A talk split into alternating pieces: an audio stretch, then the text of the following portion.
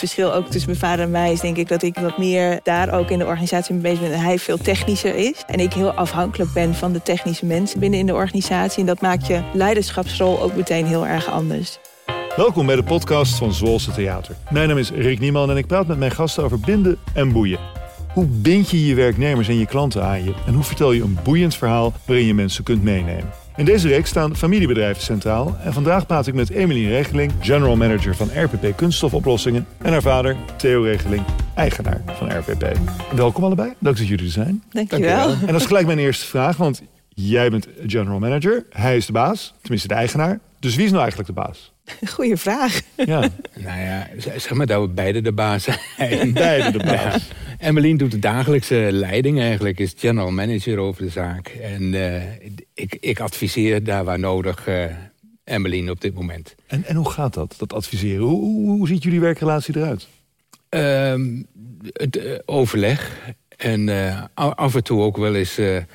Ehm, dat, dat we toch elkaar moeten zoeken hè, in, in bepaalde dingen. Dat zeg je heel erg diplomatiek, maar je bedoelt ja. natuurlijk dat je dat eens met elkaar oneens bent. Ja, nou ja, en dan maken we wel eens een wandeling. Hè? We hebben ja. wel eens een wandeling gemaakt om uh, wat dingen door te spreken. Maar is dat hoe je dat doet? Niet per se uh, formeel op kantoor zitten, maar even een stukje gaan lopen? Nou, even een stukje lopen, ja. Ja, ja en, en, formeel is hij natuurlijk eigenlijk mijn baas, als, als we daarop terugkomen.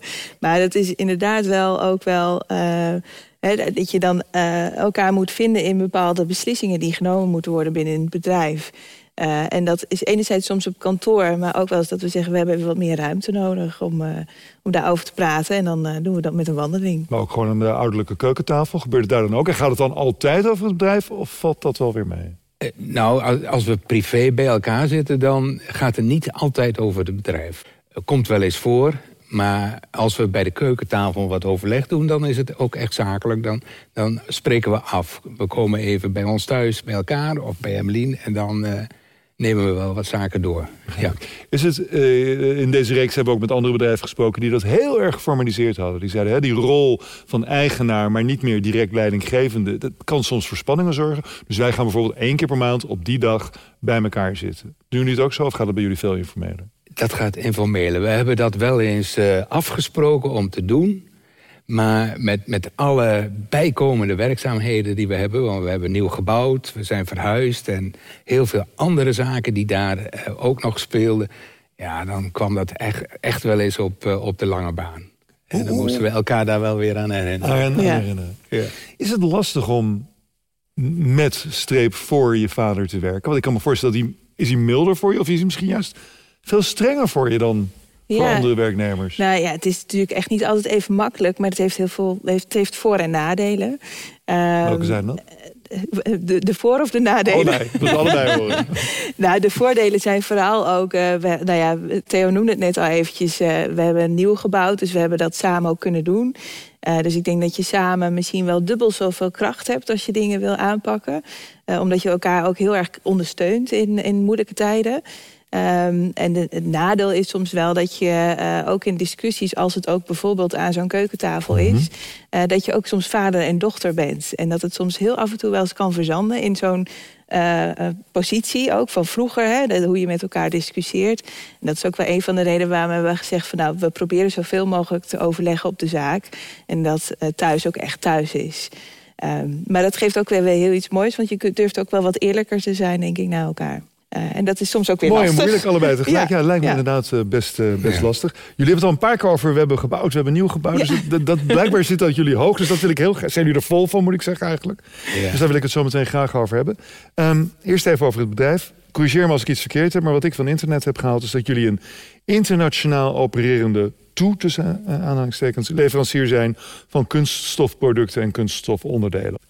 jullie maken van alles en, en nog wat. Kan je me eens meenemen...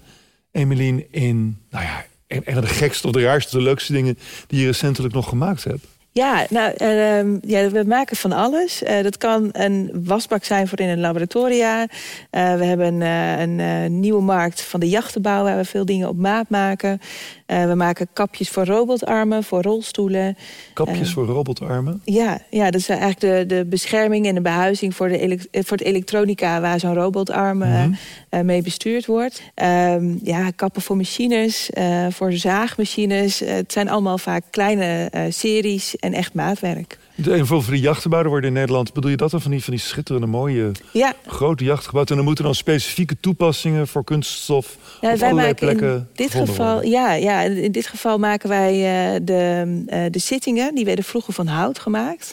Uh, maar ja, dat gaat op een gegeven moment rotten. Uh, Dus ze hebben nu ervoor gekozen om dat allemaal te gaan vervangen in kunststof. En uh, het is een, een Friese jachtenbouwer die ook veel boten naar het buitenland verscheept. En toch echt wel achterkwam van ja, maar dit is een veel duurzamere toepassing om het in kunststof te doen. want anders moeten we elke keer die houten bankjes Grappig hè? Dus dan wordt de kunststof wordt duurzamer. Precies. Want het gaat gewoon een leven lang of langer mee. Ja.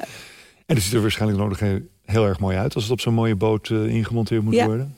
Ja. En, wat zijn andere dingen nog? Heb je, want je maakt ook dingen waar mensen dus echt heel veel aan hebben. Dus die echt, echt een toevoeging zijn voor de waarde van het leven van mensen. Ja, nou, eh, wat uh, Emmeline zei, robotarmen. We maken inderdaad ook robotarmen voor rolstoelen... voor mensen die gehandicapt zijn. Eigenlijk helemaal gehandicapt zijn, zelf niets meer kunnen. En, en dan uh, alle uh, bewegingen door een robotarm wordt vervangen. En daar maken wij uh, wat we noemen schouderkapjes voor en elleboogkapjes. Maar dat zijn dan de schouderkapjes voor de robotarm. Dat is inderdaad bescherming voor de elektronica. En ja, dat, dat zijn toepassingen die uh, ja, fantastisch zijn om, om te maken. Ja, want als je ziet hoe dat dan uiteindelijk wordt gebruikt... en dat het het leven van mensen zoveel beter maakt... dan moet je het ja. met veel trots vervullen, lijkt ja, Ja, absoluut. absoluut. Als je dat dan ziet, dat dat kapje dan gebruikt wordt uh, voor, voor die toepassingen... En, en ziekenhuisbedden. Ehm, we maken kappen voor uh, kinderbedjes in ziekenhuizen. en, en die zie je dan ook terug als je in een ziekenhuis op bezoek komt. Dan, ja, dan, dan, dan, dan zie je zo de kapjes die je zelf gemaakt hebt. Dingen die nergens bestaan en dan komen ze bij jullie, bij RPP terecht. Ja, precies. Om te kijken, kun je dat specifieke onderdeel voor ons zo in elkaar zetten. En dan doe je ook nog een keer met duurzaam materiaal. Mooi. Ja. En hoe is het allemaal uit ontstaan? Want jij hebt het bedrijf opgericht. Ja, ik heb het opgericht. Ik ben begonnen in 2003. Ik heb altijd voor een kunststofbedrijf gewerkt. Ooit begonnen bij Wavin. Mm En uh, eh, 2003 uh, eh, heb ik inderdaad het besluit genomen om voor mezelf te beginnen. Ik had ook de mogelijkheid, want ik kon van een uh, bedrijf in de agrarische sector het kunststofdeel overnemen. En daar ben ik mee begonnen en heb ik het uit, uitgebouwd. En had je daar een idee achter waarom je per se voor jezelf wilde beginnen? Gewoon omdat de gelegenheid zich aandeed? Of had je daar een veel uh, vast omlijnder idee over? Nou, daar had ik een vastomlijnd idee over. Want uh, eigenlijk had ik uh, in mijn jonge jaren al zoiets van... als ik voor mezelf kan beginnen, dan ga ik dat doen. En ik had altijd de gedachte, ik wil nog eens een keer een spuitgietbedrijf beginnen. Maar dat is er niet van gekomen. Het is een eh, een bedrijf geworden wat meer in de niche-markt zit. En mhm. minder in de, in de, zeg maar de massa, hè, met spuitgieten van kunststofproducten. En ja, je rolt er op een gegeven moment in. En dan uh, pak je dat op en dan breid je dat uit. Ja, zoals je het zo vertelt, klinkt het heel erg makkelijk. Kan iedereen het? Maar volgens mij is het niet nou, zo eenvoudig. Nou, volgens mij zou ook iedereen het kunnen. Ja, alleen je, je, moet, wel, je moet wel de ambitie hebben en, en, en de motivatie om dat ook te willen doen. Wat zijn de grootste, als je dat kunt herinneren, obstakels die je tegenkwam in het begin? Waarvan je niet had gedacht dat dat zo lastig zou zijn? Nou, het, het is eigenlijk van, van 2003 af is het uh, goed voor de wind gegaan. Hebben we uh, een aantal stappen genomen om, om te verhuizen. De laatste stap was naar uh, Nieuw-Leuzen, waar we nu zitten in die tijd de moeilijkste periode was, was eigenlijk de periode van de bankencrisis. En, en dat is een, een periode geweest waar we het best wel uh, zwaar hebben gehad. Want vanwege uh, financiële ruimte? Die Financieel, maar ook dat orders uitbleven. vooral dat, dat orders uitbleven. We hadden toen eigenlijk wel een, een voordeel dat, dat we ook actief waren uh, in de agrarische sector. Dat, dat viel mee, dat, dat was allemaal naar buitenland. Dat liep wel door. Maar uh, we hebben toch uh, gezien dat er uh, zeker 30% omzet een reductie was in die tijd. En dat was best wel, best wel behoorlijk. Was dat, je hoort heel vaak dat bij familiebedrijven het werknemersbestand loyaler is. Hè? Dat ze langer blijven en dat het ook moeilijker is om af te... Jullie knikken allebei, dus ja. luisteraar, dat, dat hebben we goed. Afscheid van ze te nemen. Was dat toen een probleem in, tijdens die, die crisis? Dat je zei, oh, ik heb misschien eigenlijk iets meer mensen in dienst nu dan ik strikt noodzakelijk nodig heb? Ja, dat, dat, dat klopt. Maar we hebben personeel kunnen behouden. En met name ook omdat in die tijd eigenlijk eh, de overheid eh, een goede steun gaf. En met eh, name van UWV uit. Die, die kwamen echt supporten. En die hebben er ook voor gezorgd dat we het personeel in dienst konden houden. En jij, jullie, wilden dat natuurlijk ook heel En we wilden dat ook graag natuurlijk. Want je hoopt dat, dat, dat het van korte duur is. En dat je niet mensen uh, wegstuurt die je later eigenlijk weer hard nodig hebt. En we hebben ze gelukkig kunnen houden. Kunnen houden. In andere branches, als je nu, ik noem maar wat, in de kranten nu leest over hoe makkelijk high-tech bedrijven hè, of, of uh, kunstmatige intelligentie of uh, nou, noem allemaal maar op, internetbedrijven afscheid nemen van duizenden mensen tegelijk. Ja. Dat zit niet in jullie DNA. Nee, dat, dat is niet, niet wat wij voorstaan. Waar, waar, bestaat, Emilie, waar bestaat dan die loyaliteit uit, denk je? Want je knikte net heel instemmend toen we het daarover hadden bij familiebedrijven. Ja, nou, ik, ik, sommige mensen hebben ook wel eens letterlijk tegen ons gezegd... van goh, het voelt als één grote familie hier. Dus ik denk ook dat een aantal mensen zich ook wel een onderdeel van de familie voelen. Um, en het is ook vaak de activiteiten die, bij ons, die de medewerkers bij ons uitvoeren... dat, ja, dat, dat leren we ter plekke. Dus het, ze maken het zich ook echt eigen. Mensen zijn ook doorgegroeid bij ons binnen in het bedrijf. Um, dus ik denk wel dat dat, uh, ja, dat, dat wel uh, debet is aan het gevoel van familie zijn. Um, dat mensen toch heel erg loyaal blijven. De me merendeel wat bij ons werkt, uh, werkt uh, nou, heel toevallig hebben we vandaag een medewerker die 12,5 jaar in dienst is. Maar het merendeel werkt eigenlijk wel 12,5 plus bij ons. Ja, terwijl jullie 20 jaar bestaan. Ja, ja. precies. Ja. Hoeveel mensen zitten jullie inmiddels op? Hoeveel werknemers heb je inmiddels? Uh, gemiddeld hebben we er 20. 20. Ja. Okay, maar dat, dan kan het ook bijna als een familie ja. voelen. Doe je er nog iets extra's aan om dat gevoel sterker te maken? Uh, nou, we hebben de afgelopen jaren wel wat uh, veranderingen doorgevoerd. Ook wel om. Uh, de arbeidsmarkt is natuurlijk nu heel erg veranderd. Ook om mensen te behouden. Het is natuurlijk misschien best wel verleidelijk met alles wat er omheen speelt om wel te gaan. Door ook mee te denken van, goh, het leven van onze medewerkers verandert. Dus misschien wat eerder dan flexibele werktijden bijvoorbeeld... dat het beter bij het leven past van diegene.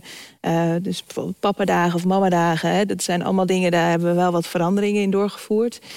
Um, ja, de, maar dat geldt denk ik voor elke ondernemer nu wel. Dat, ja, maar is dat misschien voor jullie lastig? Omdat als je toch, kan ook voorstellen, maar misschien zeg ik nu iets heel doms. Als je in de techniek zit en het is gewoon, hè, uh, ja. gewoon doorwerken, ja, dat, aanpakken. Absoluut. Het past niet per se bij, uh, bij een, een productiebedrijf. Ja. Hoewel, uh, bij ons is het ook echt wel maatwerk. Dus het is niet dat mensen op een knopje drukken en het product eruit komt. dus het is ook wel wat, wat lastiger planbaar ook. Hè, want het zijn niet alleen maar machines die we moeten plannen. Um, maar dat is, dat is inderdaad dat is niet, past niet bij een traditioneel uh, productiebedrijf. Past ook niet, maar misschien zeg ik opnieuw iets doms... bij een traditioneel productiebedrijf, zeker niet in de technische sector... dat daar een vrouw aan het hoofd staat, toch? Dat zie je geloof ik nog steeds niet heel vaak. Of, nee. of is het heel ouderwets wat ik nu zeg? Uh, nou, op zich niet heel ouderwets. Het is wel, uh, er wel steeds meer, moet ik zeggen. Uh, bij onze bruisvereniging, toen ik de eerste keer meeging met mijn vader...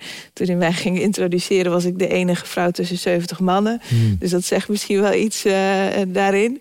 Um, maar ja, er zijn steeds meer vrouwen, maar het is wel echt een mannenwereld, dat klopt. Ja. En, ja. en maakt er nog verschil in hoe jij leiding geeft? Denk je, sta je er anders in? Heb je ook voor andere dingen?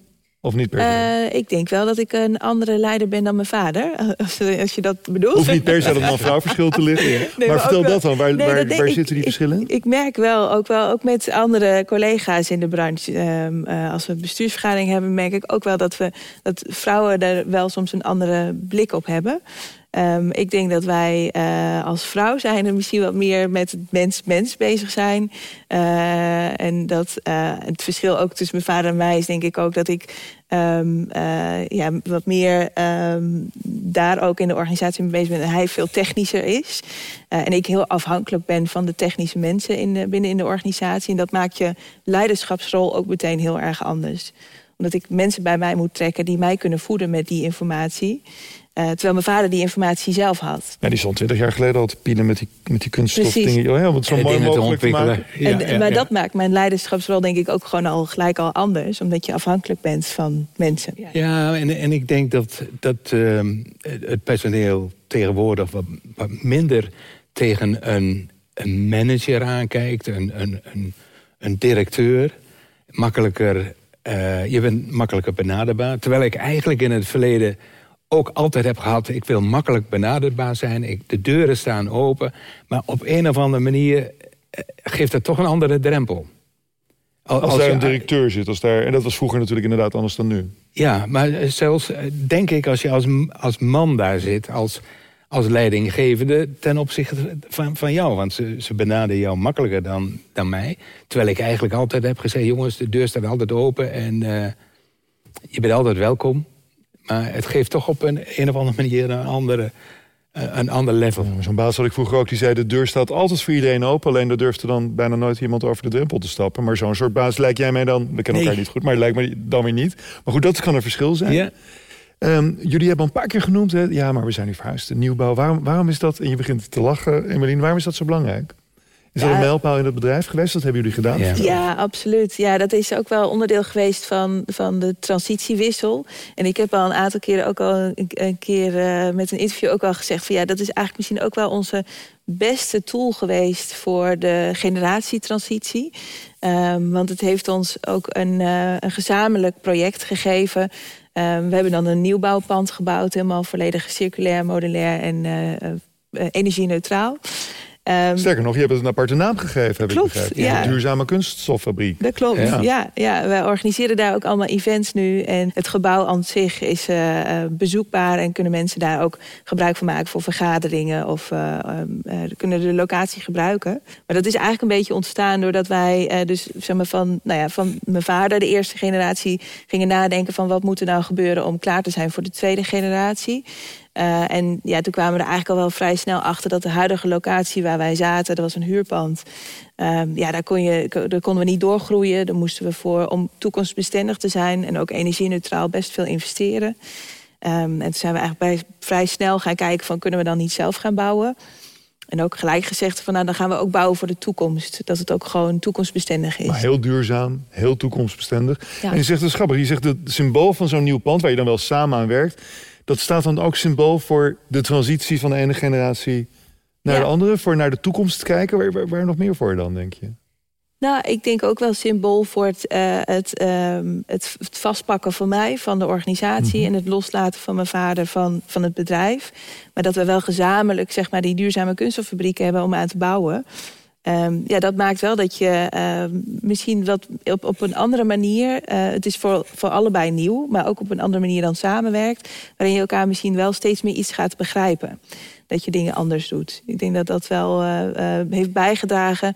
En je kunt natuurlijk niet altijd iedereen gaan adviseren... om dan te gaan nieuwbouwen als je een transitie moet doen. Maar dat heeft denk ik wel heel erg bijgedragen aan, aan die hele fase waar we doorheen moesten. Maar je kan misschien wel mensen adviseren om iets tastbaars vast te pakken. Wat, wat, waar je dan je energie in kan stoppen om zo'n transitie ja. ja, een beetje op die manier vorm te geven. En ook het feit dat je samen iets nieuws maakt. Uh, want anders is het dat je het op dezelfde manier voort moet borduren. We hadden nu een nieuwe, nieuwe locatie, kunnen we opnieuw inrichten. Dus het is voor iedereen een frisse start. Dat maakte het voor mij ook weer makkelijker om veranderingen door te voeren. En gingen dan die mensen die jij Theo, in het begin al had aangenomen... die er al lang werken, ze gaan die makkelijk mee in zo'n transitie? Of, of merk je ook nog wel dat mensen dat misschien niet prettig vinden, al die veranderingen? Die, die, gaan, die gaan best wel makkelijk mee. Ja, uh, moet ik zeggen je hebt best wel wat veranderingen doorgevoerd ook hè, in, in, functies. We hebben een vaste medewerker die is, die is er eigenlijk al vanaf het begin vanaf 2003, toen, toen ik uh, ben begonnen. Uh, die heeft de hele ontwikkeling uh, overgenomen. ook het stuk wat ik altijd deed. Hè. Ik was altijd de nieuwe producten aan het ontwikkelen. Nou, dat heeft hij overgenomen. Beetje de Willy Wortel van het de, bedrijf. De Willy Wortel. Maar deze, deze man die, die heeft al zoveel ervaring in het bedrijf. En, en die heeft dat kunnen overnemen. Maar daardoor zijn, zijn ze ook weer gemotiveerder geworden. Een nieuwe, nieuwe perspectief, nieuwe uitdagingen. dus in plaats van dat ze misschien een hak een beetje in het zand hebben gezet... omdat er verandering is, heeft de verandering geholpen... om ze weer een nieuwe boost Precies, te geven. ja. Okay. En, en aanvullend op wat uh, Emmeline zei, samen met iets nieuws beginnen. Toen Emmeline aangaf van, nou, ik zou wel door willen met, met het bedrijf... wat je nu hebt opgebouwd... hebben we gezegd van, nou, het kunststof heeft zo'n negatieve klank in, in, in, de, in de volksmond. Hè, met, met wat er allemaal gebeurt met de ehm, plastic soep mhm. en, en dat soort dingen. Dan, mij gaat kunststof aan het hart. Dan wil ik ook eens laten zien dat we ook duurzaam en circulair dat dat ons ook aangaat. Hè? En dat we niet maar een kunststofproducent zijn... en daar geen rekenschap mee houden. En toen hebben we ook gezegd, dan gaan we inderdaad duurzaam en circulair bouwen. En, en zeker kijken naar van, wat kunnen we hergebruiken in, uh, in het bouwen. Hè? En inderdaad, wat Emmeline zegt, uh, zei van... Niet, niet voor de volgende generatie, de generatie voor Emmeline... maar die generatie daarop moet eigenlijk het gebouw ook nuttig zijn. En en deze veranderingen voer je ook door in het productieproces. In, toch, duurzaamheid zit volgens mij heel diep ja. in jullie huidige uh, eh, DNA. Was dat voor jou ook een reden om... Ik weet niet, heb je getwijfeld om überhaupt in het bedrijf te stoppen? Of zei je van nou, als, als dit de kans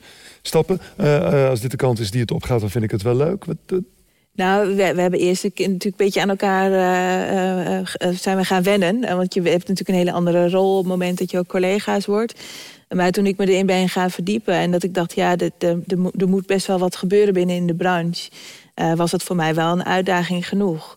Uh, maar ja, onbewust groei je natuurlijk ook mee met het bedrijf. Los van het feit of je dan werkzaam bent in het bedrijf. Maar ik heb het vaak wel eens als voorbeeld genoemd. Maar dan als ik uh, nu terugdenk, zag ik mijn vader ook altijd iets met kunststof doen. Aan tafel met yoghurtbakjes uh, tikken. Of als we ergens door de winkel liepen. Dus onbewust. Altijd bezig. Ja, en, en uh, ook wel als, toen, toen ik kleiner was, wel eens bij uitjes op het bedrijf geweest. Dus je kent eigenlijk best wel wel de geschiedenis van zijn uh, werkcarrière. Uh, zonder dat je dat eigenlijk uh, in de gaten hebt. Grappig, je bent eigenlijk bijna organisch ingegleden dan? Op nou ja, eigenlijk wel. Ja. En, en, en ook wel dat um, je, je, moet voor jezelf natuurlijk ook bedenken of het, of het bij je past. Ehm, dus ik ben ook heel blij dat we in, in, de, in de start, in het begin heb ik een ondernemersassessment gedaan. wat ook maakte dat je ook heel erg ziet van wat voor een persoon ben je. Wat moet er dus dan, wat, moet er voor jouw rol gebeuren om het ook te kunnen volbrengen. Nou, en ik denk wel dat dat heel, ook misschien samen wel heel veel houvast geeft om ook naar zo'n organisatie te kijken. Dat ik ook zie van hè, wat zijn mijn mindere kanten uh, en wie kan mij daarop aanvullen. Nou, dus dat, ja, dat, ik ben dankbaar dat we daarmee zijn gestart. Wel ja. slim om het op die manier te doen en niet zomaar erin te stappen en dan halverwege te denken waar ben ik aan begonnen. Nee. Maar nu dat je erin zit, kan je er volgens mij ook bijna niet meer uit hoor. Dat klinkt misschien net maar ja, het is een familiebedrijf. Je zegt ik stap erin, ik ga het doen. Ja. Nu zit je eraan vast. Ja, met alle plezier. Ja. Nee, het, ik denk dat het, dat het kunststofisme ook zo naar het hart gaan groeien... als dat mijn vader dat ook heeft. Ik denk ook, um, met, met, name ook omdat je ziet wat de kansen zijn... en wat er nog moet gebeuren, dat, uh, ja, dan, dan wil ik dat zeker nu niet loslaten. Hoe ziet die toekomst, hoe ziet die toekomst eruit? Wat, wat, uh, jullie bestaan nu 20 jaar. Ja. Gefeliciteerd. Ga je dat nog vieren trouwens? Komt er nog een jubileumfeestje? Of, ja, is, is wel de bedoeling. Ja, dat we dat moeten we zeker nog vieren. Ja. En hoe, hoe, dat, dat eruit gaat zien? Nee, nou, nog niet helemaal Misschien in combinatie met, met ook een officiële opening van het nieuwe pand, pand. Want dat is ook nog niet geweest. En dat is ook een mooi moment om te zeggen van... nou, dan vieren we inderdaad ook dat jubileum uh, ja. uh, dit jaar. En jij zei, en voor de volgende generatie. En, voor de en misschien wel daarna. Wat, wat zijn de toekomst? Zal ik het eerst aan je vader vragen? Wat zou jij mooi vinden voor RPP als het... Nou, 50 jaar bestaat, dus over 30 jaar. Waar moet het bedrijf van staan? Nou, dan, dan hoop ik dat het een, een mooi bedrijf is, gezond bedrijf is. En, en, en, wat we voor ogen hebben is dat het een bedrijf is wat gegroeid is in die tijd. En, maar moet het eh, heel groot? Is dat belangrijk? Of is het... Dat is niet belangrijk, maar... Uh, kijk, we hebben al eens tegen elkaar gezegd... Het, het is mooi dat we aan meer mensen nog werkgelegenheid kunnen geven. Uh, hier in deze regio. En, en dan hoop ik dat het bedrijf mag groeien. Of het nou dubbele omzet is, of dubbel aantal personeel, of driedubbel. Uh, als die groei er maar in zit. Als die groei er maar in zit. Ja. Maar hij hoeft niet per se over de kop. Het mag rustig in komen. En dan denk ik, als ik naar jou kijk, de duurzaamheid daarvan. Moet het helemaal, heb je daar doelstellingen voor ingericht? Helemaal duurzaam, zoveel procent, et cetera? Nou, ja, het moet natuurlijk wel uh, realistisch zijn uh, wat we aan het doen zijn. En um, ja, duurzaamheid zit in ons, in ons DNA.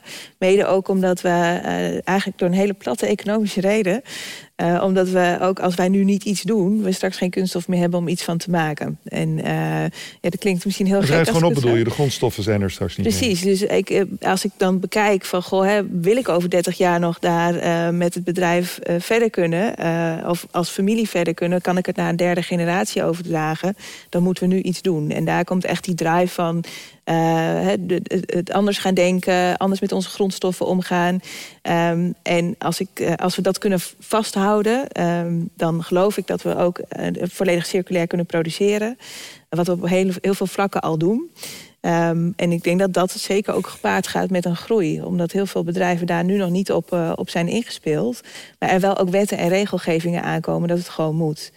Uh, in 2030 moet je 35% gebruik maken van gerecyclede kunststof. Dat wist ik niet. Uh, dat geldt voor over de hele industrie dan? Voor over iedereen? heel EU. Ja, ja. Zo, okay. uh, waarin er dus een bepaalde producten gewoon niet meer gemaakt kunnen worden. Dus op het moment dat wij ons nu daar nog niet in gaan zetten... Ja, dan, dan heb je een groot probleem. Uh, ja, ofwel uh, producten afstoten. Uh, sommige moeten opnieuw als, op kwaliteit getest worden. En dat is ook een van de redenen waarom wij de duurzame kunststoffabriek ook een beetje als ons living lab hebben gebruikt. Van ja, hoe moeten we daar nou mee omgaan? Dus ik denk zeker dat, um, tenminste, ik hoop dat wij mogen voorop lopen met circulariteit en dat dat genereert in groei. Mooi. Had je ooit kunnen bedenken, twintig jaar geleden, dat het hiertoe zou leiden? En wie weet tot nog veel nee, grotere dingen dan dat, dit? dat, dat plan je niet vooraf. Dat kun je 20 jaar... Wel mooi om te zien, hè? Ja, het is, je hebt natuurlijk wel voor, voor ogen dat je, dat je wilt groeien. Hè? Je begint klein en je wilt graag groeien. Maar dat, uh, dat het zo'n stap krijgt, dat, uh, nee, dat, dat zie je niet vooraf. Heel erg mooi. Ja. Alvast gefeliciteerd met dat 20-jarige jubileum. Ja. En met de aanstaande opening van het, uh, het hele mooie nieuwe duurzame ja. pand. Dank jullie wel voor dit mooie gesprek. Graag gedaan. Graag gedaan.